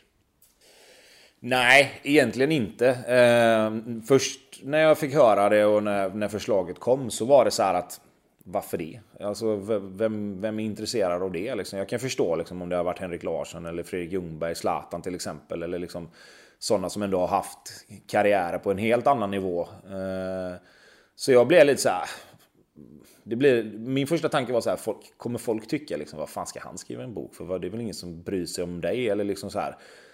Men sen när man gick igenom lite mer vad man skulle göra och sådär så blev det mer en grej att nej, fan, det här kanske är en kul grej att göra för egen del. Alltså sitta ner och prata om karriären och om liksom, nu är det mycket fotboll såklart, men, men just om, om saker som har hänt och minnas tillbaka lite och det kanske blir en rolig grej att göra. Så egentligen gjorde jag väl det mer för, för mig själv. Alltså att, att, det var en, att det var en rolig grej. Hur, hur svårt har det att välja? För jag menar jag fattar ju att det finns grejer du har valt bort som du inte vill ta med. Jag menar saker som hänt i omklädningsrum och, och liknande. Hur, hur svårt är det att välja sånt? Ja, man har ju, alltså där, där får jag nog ändå säga att jag tycker jag har rätt bra koll på vad som kan nämnas och inte nämnas. Alltså det, det, handlar ju någonstans om ett, om ett förtroende gentemot andra spelare och, och vad som har hänt har hänt som får stanna där liksom. Eh, men, men det är klart att vissa saker måste man ju... Du kan ju inte bara sätta liksom censur på allting heller. Och, och, vissa grejer har jag väl... Vissa grejer som kommer med kommer kanske vara lite sådär att folk undrar varför, varför han berättat det. Eller liksom det här, det här stämmer ju inte, så här var det inte liksom.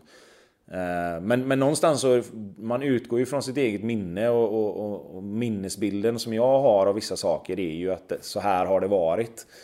Eh, men nej, det var inte jättesvårt. Det, det, tycker jag ändå inte. Du ger ju en bild av eh, att eh, dina föräldrar skiljer sig ganska tidigt och du hyllar ju verkligen din mamma som tar ett stort ansvar och så medan din pappa kanske har fått den som har fått uppmärksamheten. Hur svårt är det liksom att balansera? Jag menar, din mamma är ju inte riktigt offentlig men din pappa är ju väldigt offentlig. Ja, nej men för mig så handlar det väl mer om att, att, att, lyfta fram henne då. Liksom att, jag menar, jag bodde ju aldrig hos min farsa. De som inte vet och de som inte kan historien vet ju kanske inte ens att, att, att morsan och farsa är skilda. Liksom. Och då har det alltid blivit, ah, hur var det att bo i Liverpool? Bara, nej, jag bodde aldrig där. Eller liksom, bodde aldrig i Italien. Eh, så att jag vet inte, jag var där och hälsade på. Och morsan är den som har kört överallt. Morsan är den som har liksom, köpt alla grejer och, och liksom allt sånt där. Då. Så att, det, är väl mer, det var väl mer att det är samma sak där. Man får ju berätta som det är. Och, och så var det under den tiden som, som farsan var utlandsproffs. Så då, då var han ju där och vi träffade honom väldigt sällan. Och då var det ju morsan och, och ja, framförallt då mormor och farmor och farfar som, som hjälpte till med det praktiska. Och morsan som körde och farfar som var med och, och, och hjälpte till att träna lite extra ibland ute på ängen och sådär. Liksom. Eh, så det, det, är ju mer... Alltså det är ju för att berätta historien så som den var. De som läst tidningar idag kan ju ta del av ja, din farsas såpa tillsammans med ett par av dina halvsyskon och, och, så. Du har själv valt att inte vara med. Det skriver du ju också om och så. Hur jobbigt är det när det liksom är hysén på kvällstidningarna? Och... Ja, man lär sig. Alltså, jag, jag har väl lärt mig genom åren att inte bry mig så mycket om vad de andra gör. Eh, i alla fall i den mån om det skulle vara så att det, det skulle kunna vara något jobbigt. Eh, nu är det ju väldigt sällan det. Alltså, jag, jag lägger mig inte i mycket av det som händer där och, och jag försöker att liksom ta det för vad det är. Så att jag, jag kan inte säga att det stör mig nämnvärt. Liksom. Eh, det är klart att hade jag varit 20 så hade det kanske varit en annan sak. Men, men nu är jag så pass så pass gammal och så pass ändå rutinerad och varit med kring hela media-biten i och med att jag har varit fotbollsspelare. Så att jag vet ju lite grann hur det funkar och jag, jag har inga problem med det så. Eh, hur såg du på när Anton Hysén, din halvbror, klev fram i offside då som fotbollsspelare och som en av de första homosexuella som klev fram? Nej, men för mig var det inget konstigt med det. Alltså, vi, vi visste ju om hur situationen var och att han, att han valde att göra det, det, det var ju för att lyfta på, på, alltså på tabun lite som fanns inom, inom idrotten om man säger. Eh, det var ju lite så här att, att idrotten, framförallt har det väl varit mycket snack om att just hockey och fotboll är så himla emot det där och att det är så svårt. Och, jag sa då som jag säger nu, jag vet inte riktigt vad man grundar det på. För, för att om folk tycker att det är jobbigt så finns det en anledning såklart. Men, men fotboll och hockey har aldrig riktigt behövt, eller fått visa att, att det inte är så heller. För det har aldrig funnits situationer där du har behövt ta ställning. det finns liksom inom, inom damfotbollen och, och sådär så, så är det lite mer öppet och det finns liksom konkreta exempel på att det men det här funkar. Liksom. Men inom, inom herrfotbollen så har vi aldrig någonsin behövt... Ja, vad, vad tror du det beror på? Att... Nej, det vet jag inte. Och det, det, det är egentligen den frågan man får ställa sig då. Att varför är det så? Och, och det får man ju ta... Det är ju olika från person till person. Jag menar, jag är ju helt övertygad om att det i Allsvenskan idag finns homosexuella spelare. Och varför de inte känner att de kan... Vet du någon? Nej, inte, inte på rak arm. Eh, det kan jag inte säga. Eh, men, men det är klart att det finns. Rent statistiskt så är det givet att det finns. Och varför de inte känner att de kan komma ut med det, det, ju, det, ju, det, kan man ju bara fråga den enskilda personen. Jag tror inte att det hade varit ett problem. Givetvis så hade fans liksom sett sin chans och, och, sätta, och störa liksom. Eh, men jag tror att det, att det, är, det är liksom ett första skede när det väl... Alltså nyhetens behag med sådana där grejer. Visst, första, andra, tredje spelaren kanske, kanske får det liksom jobbigt ifrån, ifrån andra supportrar. Eh, jag tror absolut inte det har varit något problem i ett omklädningsrum. Jag vet att det inte hade varit något problem i vårat omklädningsrum. Eh, så att jag vet inte riktigt vad man grundar det här på att, att idrotten ska vara så homofobisk. Jag tror att ge, ge den en chans att inte vara det då. Så, så får vi väl se. Och skulle det vara, visa sig att jag har fel så får man väl...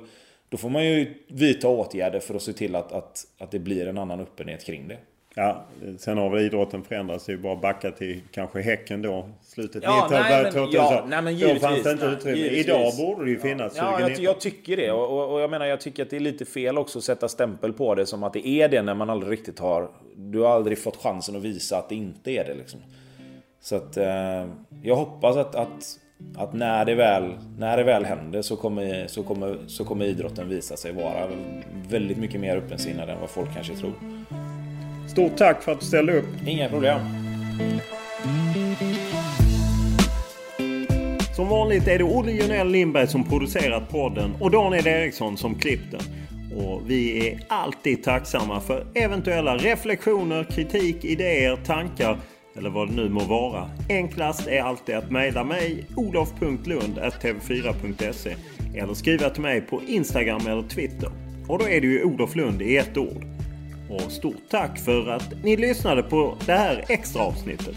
Podden är tillbaka som vanligt nu på måndag igen.